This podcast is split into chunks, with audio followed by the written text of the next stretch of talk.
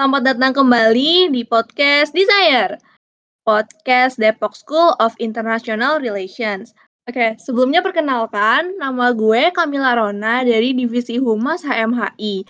Nah, pada hari ini kami uh, Humas akan mengundang satu divisi yang fokusnya tuh mengabdi pada masyarakat, sepenuh hati melakukan segalanya demi meningkatkan kesejahteraan masyarakat sekitarnya.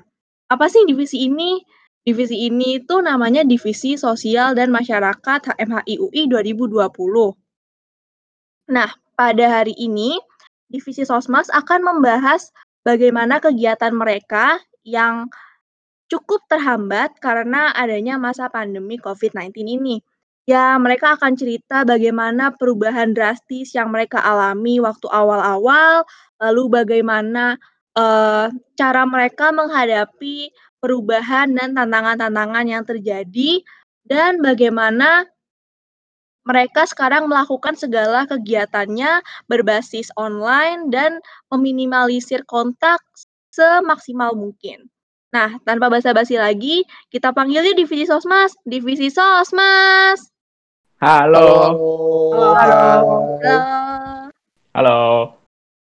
Oke deh kalau gitu karena mereka semua udah hadir di sini, langsung aja deh podcastnya kita lempar ya ke divisi sosmas. Silakan.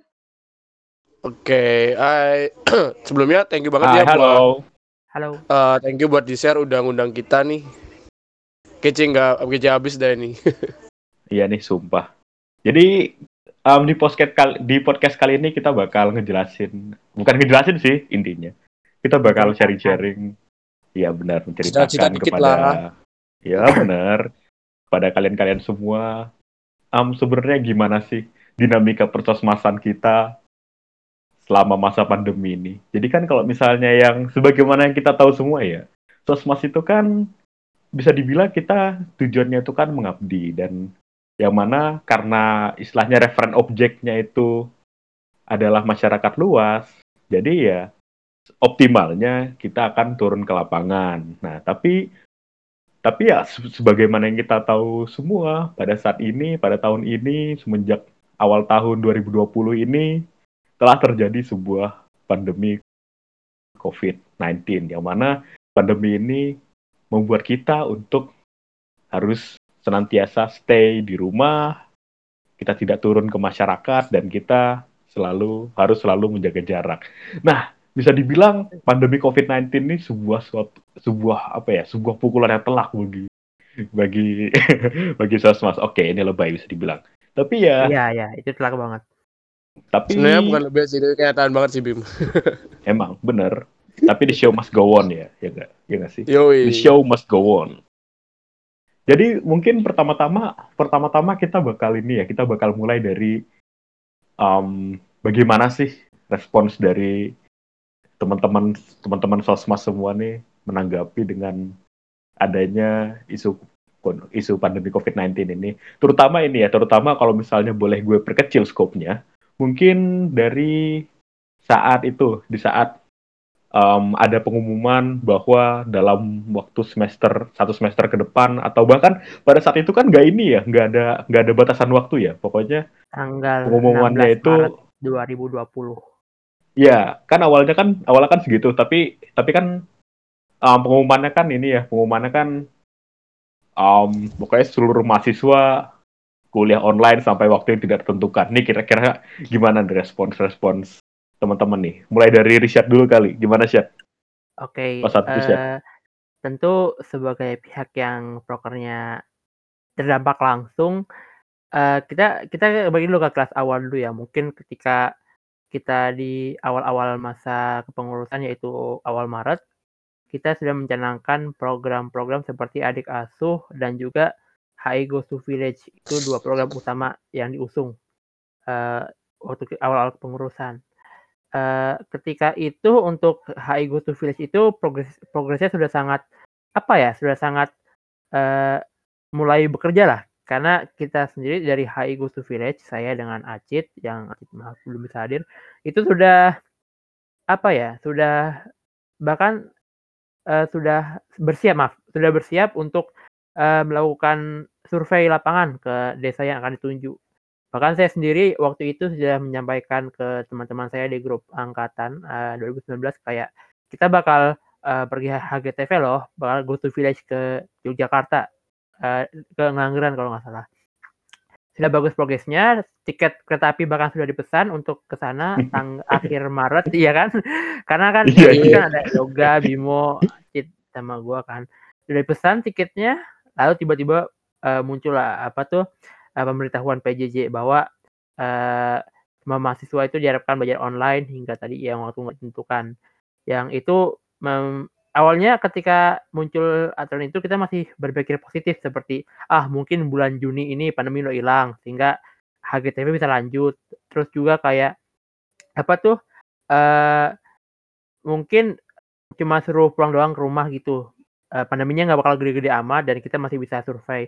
Ternyata yang kejadiannya adalah eh, orang yang di Jogja itu sendiri juga nggak mau gitu ketika muncul pandemi itu mereka juga nggak mau lagi nerima eh, kunjungan dari orang luar gitu ya kita tahu kan untuk mencegah penularan dan juga ternyata pandeminya pandeminya itu berlangsung lebih lama bahkan sampai sekarang masih ada pandemi Eh, jadi Bukan masih ada lagi, Syed. Bukan masih ada lagi.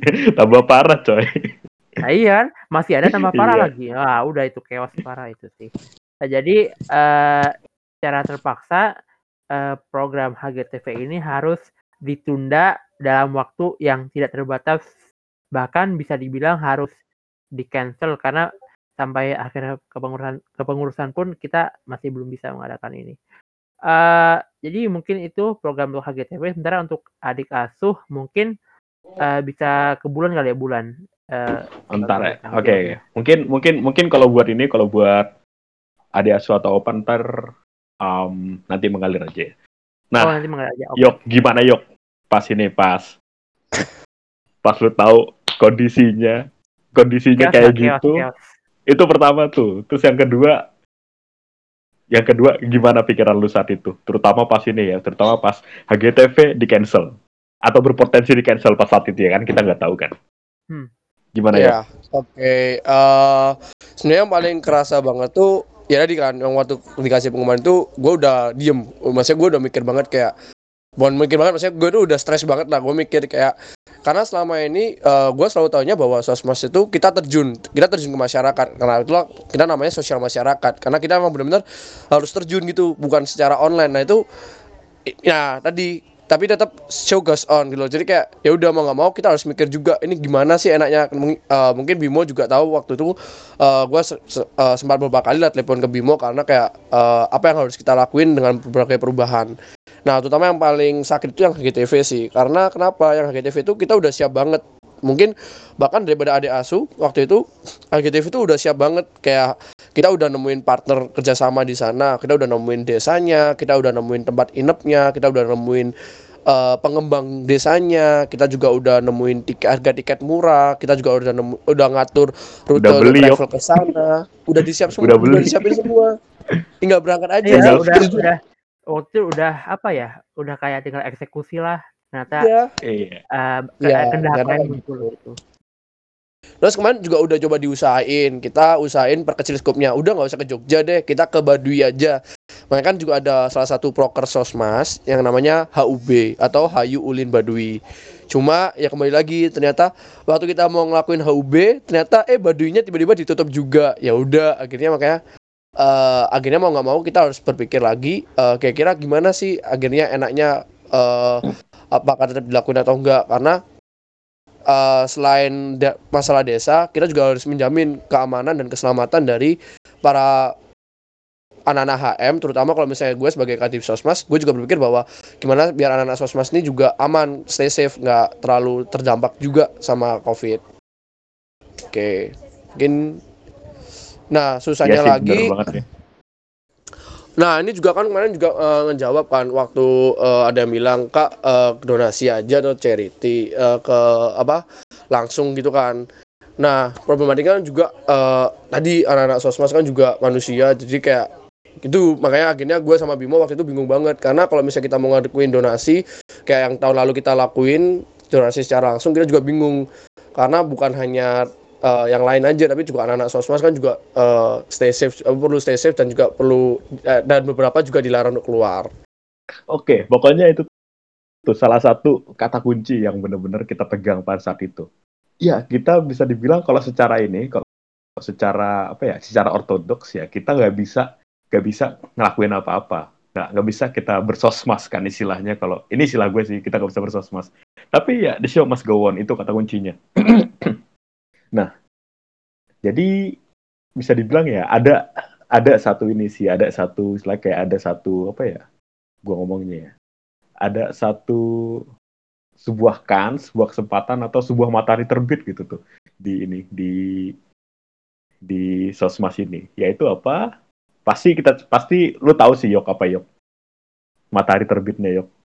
Pendanaan. Iya.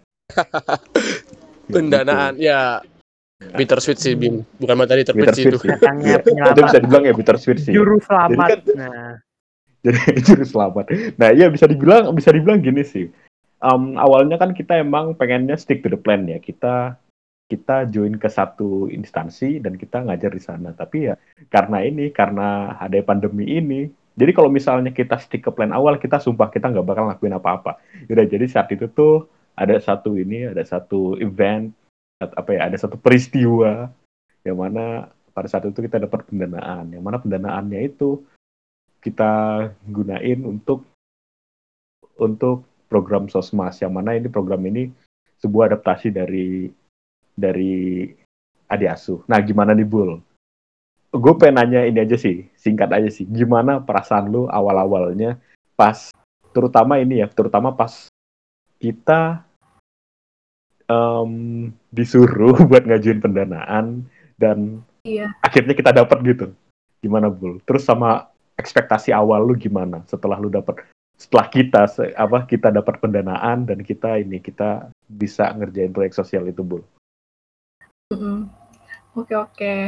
Iya, jadi awalnya itu sebenarnya kayak pas kita nyusun proposal juga untuk minta dana untuk kegiatan yang berjalan online, itu tuh rasanya kayak gimana ya, mau kalau misalkan keterima, bersyukur tapi pasti kayak tanggung jawabnya bakal besar banget gitu kan. Jadi, ya sebenarnya agak 50-50 gitu loh, ke keterima atau enggak itu sebenarnya dua-duanya sama-sama deg-degan gitu kan. Kalau misalkan kita nggak keterima, kita bakal jalanin apa gak sih? Kayak kita nggak punya dana apa-apa buat ngejalanin program gitu. Makanya pas sebenarnya kemarin pas uh, dananya keterima itu tuh mungkin pada pada apa ya pada agak kaget juga cuman ya lebih senang gitu loh soalnya berarti ini tanda bahwa um, apa ya program kita tuh bakal bisa jalan gitu. Oh, betul betul. Ya, kembali lagi ke kata kunci pertama. Akhirnya ada jalan. Akhirnya yes, ada jalan untuk untuk ini kan, untuk uh, apa ya? Menunjang niat kita, yaitu the show must go on. Ya, di mana ada kemauan di sana ada jalan kan. ya, alhamdulillah lah ya. Nah, nih gue mau balikin lagi nih ke yoga nih. Yok, gimana perasaan lu Yok pas ini, pas pertama-tama? Kan lu kan ya lu kan kadif sosmasnya nih kan dan lu juga tuh kan orang yang paling banyak tektokan sama sama departemen kan buat ini buat pengajuan ini gimana sih perasaan lu setelah ini setelah lu denger kalau oh kita dapat pendanaan dan the show must go on. Dan oke okay, siap-siap dengan segala ya segala konsekuensinya. Gimana gue ya menurut gue itu matahari terbit yang cukup bittersweet. Kenapa? Karena ya emang kayak tadi dalam hati sebenarnya gue juga mengatakan kayak alhamdulillah banget kita dapat ini. Kayak wow akhirnya ada sesuatu yang bisa dikerjain lah. Nah tapi problematisnya adalah kayak gini sih. Pertama uh, akhirnya kan mau nggak mau project ini ngeikat tiga, tiga, tiga instansi lah bahasanya. Kenapa? Karena harus kerjasama sama departemen, dan pada kutip selain departemen juga ada UI-nya, terus habis itu juga ada kerjasama lagi sama HMHI dan juga ada kerjasama juga dengan abilitas.id. Nah, di mana ketiga belah pihak ini juga punya permintaan mereka sendiri-sendiri gitu loh yang harus dipenuhin. Jadi kayak sweetnya ya emang alhamdulillah kita dapat dana, tapi yang akhirnya pada waktu itu yang cukup harus dipikirin lagi selain dana adalah ya udah uh, gimana caranya kita bisa nyatuin dari ketiga belah pihak ini agar nah. ya project ini bisa membuat semua nah, senang. Jadi kan bisa dibilang itu ya. Sih, Bim. Nah, itu sih bitter yang gue ini adalah sebuah hal yang okay. bittersweet ya. Nah ini gue mau nanya nih ke ke kalian semua nih. Gue mau mulai dari Richard nih. Siap. Kira-kira kira-kira seberapa sweet sih ini pendanaan ini dan seberapa bitter kalau misalnya bisa lu apa ya bisa lu presentasikan dalam persen. Ini kalau gue pribadi sih, kalau gue pribadi sih, gue bilangnya ya berapa ya 60% bitter dan 40% sweet. kalau lu gimana sih? Uh, Jujur banget, masalah... Bim. masalah sweet bitter ya. Kalau pendanaan yeah. kan eh, bahasa apa sih istilahnya tuh bahasa kasarnya eh, sebaiknya jangan terlalu diekspos ya. Cuma eh, kalau menurutku pendanaan kita selama kita bisa menjalankan program, selama kita bisa menjadikan program tersebut bekerja dengan baik, bagiku sweet sih. Meskipun emang uh, tidak seperti yang kita harapkan ya, tapi pada akhirnya program tersebut uh, kita berhasil menjalankan dengan sukses, kita berhasil uh, apa tuh kerjasamanya terjadi dengan erat gitu. Jadi uh, bisa dibilang sukses sih. Aku nggak bilang itu bitter atau sweet, tapi yang pasti pendanaan itu sukses, berhasil membuat program kita berjalan dengan sempurna. Itu ya sih kalau dari gue. Oke, sempurna, sempurna siap. Kalau Yoga gimana? Um, singkat ya, singkat. Kalau gue sih jujur uh, bitter sebenarnya 50-50 sih kalau menurut gue kayak 50% bitter, 50% sweet. Kenapa? Kayak ya udah tadi bitternya cukup rumit tadi dan juga uh, dinamika ya project ini kan juga maksudnya kayak uh, belum ada gitu kan role modelnya. Nah, akhirnya kayak tadi kita harus ngerombak dari awal. Nah, sweetnya tuh gue thank you banget uh, untuk semua tim dari baik dari divisi Sosmas ataupun dari divisi HMHI lain yang telah membantu kayak uh, switchnya ada di sana sih karena kayak uh, terlepas dari segala kesusahan ini ya udah kita berhasil gitu loh nge-finishin project ini dengan baik dan ya cukup memuaskan ski menurut gua. Oke. Okay. Oke. Okay, Bulan gimana Bul? Kalau menurut lu Bul? Singkat aja. Ya kalau aku kalau aku sama sih sebenarnya sama kayak Yoga sama Richard juga. Jadi lebih apa ya lebih aku tuh lebih senang gitu loh kayak pendanaan ini tuh sebenarnya lebih lebih sweet lah kira-kira 70%. Nah, kalau misalkan bitternya itu sebenarnya ada di hal-hal yang di pendanaannya itu sendiri, ada yang hal-hal yang membuat apa ya kesel dan dan ya cukup sedikit kecewa gitu lah sama ya sama pendanaan itu sendiri gitu. Tapi kalau untuk uh, programnya, jadi kita bisa ngejalanin program, terus programnya juga udah ya selesai dengan baik itu sih uh, menurutku kayak hal yang membuat ah, sweet lah kayak gitu. Nah jadi bisa dibilang gini ya kita kita semua nih kan anak-anak HI yang mana kalau bisa dibilang juga kita nggak semuanya pernah atau sering menyelam lebih dalam ke dunia sosial masyarakat kan ya. Terutama kita semua kan uh, jalanin program yang bisa dibilang um, reference objeknya ini anak-anak difabel. Jujur, interaksi gue sama anak-anak difabel ini bener-bener ini yang pertama kali ever. Nggak ever juga sih. Cuman ya oke, okay, gue bilang ini yang pertama kali deh. Dan jujur kalau misalnya gimana ya? Kalau misalnya gue analogikan sama kehidupan gitu ya mungkin gue agak kultur shock gitu loh karena emang dari awal tuh gue nggak tahu banget gimana caranya untuk menghadapi anak-anak difabel dan dan ya udah pokoknya bagaimana dan, akan seperti apa gitu loh dan jujur di ini di awal-awal gitu gue kayak kayak ngerasa misalnya gimana ya kan gue tuh kan kayak tipe orang yang kurang sabaran gitu ya jadi kayak kayak ya gitu deh agak susah gitulah untuk menjelaskan Nah, ini gue pengen tahu juga nih cerita-cerita dari teman-teman nih. Terkhusus itu ya untuk di awal-awal ya, awal-awal. Gimana sih um, kalian saat pertama kali saat pertama kali um, berinteraksi sama anak-anak difabel ini? Dari bulan dong. Gimana, Bul? Iya. Uh, jadi sebenarnya kan kalau dari kita project itu kan kita uh, target utamanya itu kan ini ya komunitas tuli. Nah, sementara kita tuh punya barrier yang cukup besar untuk komunikasi sama mereka gitu kan. Uh, Sebenarnya ada sih beberapa yang um, memang masih masih bisa dengar gitu pakai misalkan mereka tulinya nggak total. Uh, jadi kayak um, kita masih bisa ngomong dan mereka masih bisa dengar. Cuman balik lagi itu sebenarnya uh, komunikasinya itu beda gitu loh kayak kayak apa ya mereka um, jadi kalau misalkan uh, mereka itu kan kayak terbiasa um, pakai ini ya bahasa isyarat. Nah itu tuh kadang kalau misalkan um, kalau misalkan typing ketik gitu ya itu tuh kadang um, dari struktur gitu bahasa agak beda sih. Cuman ya gitu balik lagi kita uh, sebenarnya yang penting bisa paham sih kayak gitu. Itu yang paling pertama itu komunikasi. Nah terus um, uh, semenjak kita pakai JBI sih sebenarnya kayak ya semuanya lancar-lancar aja gitu. Uh, cuman tuh um, dan yang kedua itu uh, ini mungkin ada tingkat apa ya pemahaman gitu kali ya. Tingkat pemahamannya itu uh, beda-beda sih sebenarnya. Mungkin karena uh, mereka masih kan kita uh, tujuannya itu kan kayak anak SMA gitu kan anak-anak SMA jadi kayak mungkin ya hmm, gimana ya mama uh, gimana ya ngomongnya kayak pemahamannya mungkin nggak secepat secepat itu gitu. Atau mungkin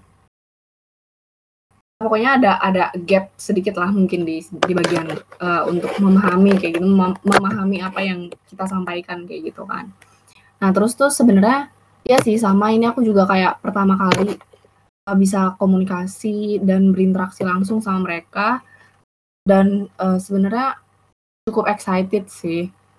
Dan mereka juga kayak mereka uh, menyambut gitu loh, menyambut. Mereka bahkan bahkan uh, senang banget kayak kalau misalkan kita tuh bisa belajar bahasa isyarat kayak gitu-gitu. Jadi ya sebenarnya itu tuh sebenarnya uh, salah satu yang naikin mood gitu loh kalau misalkan mereka tuh uh, nyampein kalau mereka tuh seneng bla bla bla kayak gitulah segala macam nah itu tuh uh, mood booster sih sebenarnya kayak gitu aja sih kak iya ya ya bisa dibilang kalau di proyek kemarin itu kita tuh nggak butuh apa-apa tapi yang kita butuh adalah di saat anak-anak itu banyak ini gak sih bul banyak yang respons di chat kalau ngobrol-ngobrol yes, di chat gitu gila bener banget. Gila, seneng banget liatnya ya. Grup, apa ya, kalau grup hmm. uh, rame, kayak gitu tuh kayak seneng banget gak sih? Oh, iya, iya, iya bener-bener. Kayak uh, respon mereka kayak seneng gitu. Kitanya juga seneng. Bahagia dah. Iya, iya.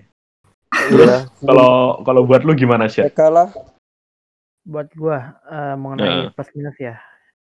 Soal kita project ini uh, ya mungkin dari uh, tantangannya itu memang komunikasi sih paling utama. Jadi ya uh, kita kayak apa tuh memang susah kadang susah kontak mereka apa tuh kayak ke mana bahasa isyarat dan mungkin di beberapa di antara mereka tuh ada yang susah juga kalau nggak pakai bahasa isyarat. Jadi ku inget waktu pertama-tama itu kita ngadain kelas pakai Zoom tapi nggak ada bahasa isyarat dan itu bisa dibilang agak uh, chaos uh, karena beberapa anaknya itu memang istilahnya mereka nggak bisa apa-apa, bisa nggak bisa ngerti apa-apa karena uh, mereka ngetik pun juga agak kesulitan gitu dan uh, kita tuh pun juga apa ya istilahnya nggak nggak nggak kompak lah istilahnya uh, komunikasinya. Nah, setelah itu tapi dengan hadirnya JBI uh, di kelas Zoom waktu itu yang ke berapa ya? kelas Zoom kedua itu udah mulai lancar. Pada awalnya kan emang agak skeptis ya, soalnya kan harga JBI itu juga agak mahal uh, bahasanya. Uh, Bukan agak mahal kayak mahal banget gitu gak sih? Mahal oh ya, mahal iya, banget guys. Untuk ukuran pendanaan kita itu sangat mahal. Uh, jadi agak skeptis soalnya kan kayak apakah ini bakal anggarannya bakal habis atau gimana. Ternyata waktu dipakai itu emang benar-benar bantu. Jadi dan anggarannya pun kalau kalau nggak salah juga mencukupi sih. Jadi akhirnya ya kita putuskan sampai akhir itu pakai JBI sampai penutupan pun kita pakai JBI dan outcome-nya sangat-sangat luar biasa bagus akhirnya kita bisa komunikasi ke anaknya lalu juga anaknya itu nggak perlu khawatir uh, macam-macam soal komunikasi juga terus uh, kendala kan memang karena kita sistemnya online ya jadi untuk mengawasi apa pekerjaan anaknya anak-anaknya susah karena kita bisa lihat anaknya itu kerja itu cuma dari ketika dia ngumpulin tugas jadi misalkan kayak dikasih tugas uh, dari ha, dari Hamin 0 eh Hamin Hamin 7 sampai pengumpulan itu kayak apa ya kita nggak bisa lihat anaknya gimana ngedesainnya. Kita cuma lihat hasil hasilnya kayak gimana terus dinilai sama Kodendi dan apa tuh dan nanti baru bisa direvisi macam-macam. Oh ya kalau yang belum tahu Kodendi itu itu head mentor kita ya itu yang melatih anak-anaknya gitu. Sip. nah iya. Jadi begitu gengs. Nah kalau yoga gimana yok?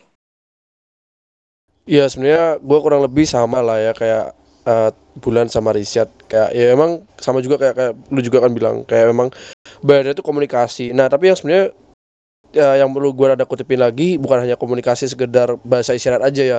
Ternyata kalau kita gini gue baru belajar banget di project ini yaitu kalau misalnya ternyata ada beberapa istilah yang yang masih debatable dan bahkan ada konteks haram dan halal untuk dicapai sama teman-teman kita oh, yang ya, bener, ya yang misal ini. Ya, kayak kalian uh, kita kita tuh pernah ditegur gitu kan ya. Mungkin uh, bulan kalau ingat yang pernah kita dapat email. Kayak mereka tuh kurang nyaman udah dipanggil sebagai disabilitas. Mereka lebih suka dipanggil sebagai difabel.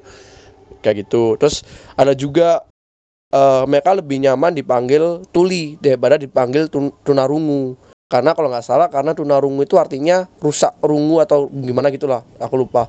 Ya ininya kayak akhirnya banyak lah yang harus kita pelajari lagi. Jadi kayak terkesan bahwa komunikasi sama mereka itu bukan hanya sekedar kita mengerti bahasa isyarat tapi juga kita harus memahami dari perspektif mereka juga. Nah ini memang hal yang baru lah. A whole new world. Nah bahasa gua bahasa gua kayak yaudah a whole new world buat kita semua. A whole new world. Oke. Okay. jadi semua sama-sama belajar oh, sih untuk project ini. Iya, iya. benar-benar benar banget Mungkin kalau kalau ini ya, kalau menurut gue ini kita perlu ini sih, ya, kita perlu mengamplifikasikan pesan ini sih. Um, sebaiknya kita kita nggak nggak menyebut mereka-mereka itu um, yang yang bisa dikatakan orang-orang disabilitas tuh dengan disabilitas. Karena disabilitas itu kan berarti kan dia disabled ya, dia nggak dia kayak terhalang untuk melakukan sesuatu. Hmm. Tapi instead sebaiknya kita panggil mereka itu dengan panggilan disable. Disable itu kan kalau itu itu kan singkatan dari ini kan dari different dari different abilities kan. Yang mana different abilities kan ya ya gimana ya? Gue tuh termasuk orang mereka yang punya yakin. kesspesialan sendiri. Ya, mereka punya mereka punya spesialitas sendiri. sendiri. Gue tuh gue tuh orang yeah. yang yakin di mana uh, apa namanya di mana orang-orang itu orang-orang itu setiap orang itu punya ini kan punya satu setidaknya satu hal yang membuat diri mereka spesial. Nah, yes.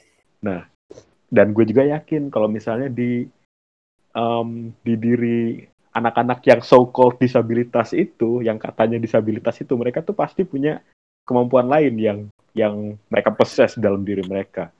Meskipun nih misalnya kita um, misalnya nih nggak perlu ini deh, nggak perlu jauh-jauh tuh kayak kayak salah satu dari ini salah satu dari apa dari partisipan kita project juga tuh ada yang dia ini dia tuh tuli. Tapi kalau misalnya dia gambar sumpah coy bagus banget gila nggak bohong nggak oh, bohong. ya kita juga punya ya kan?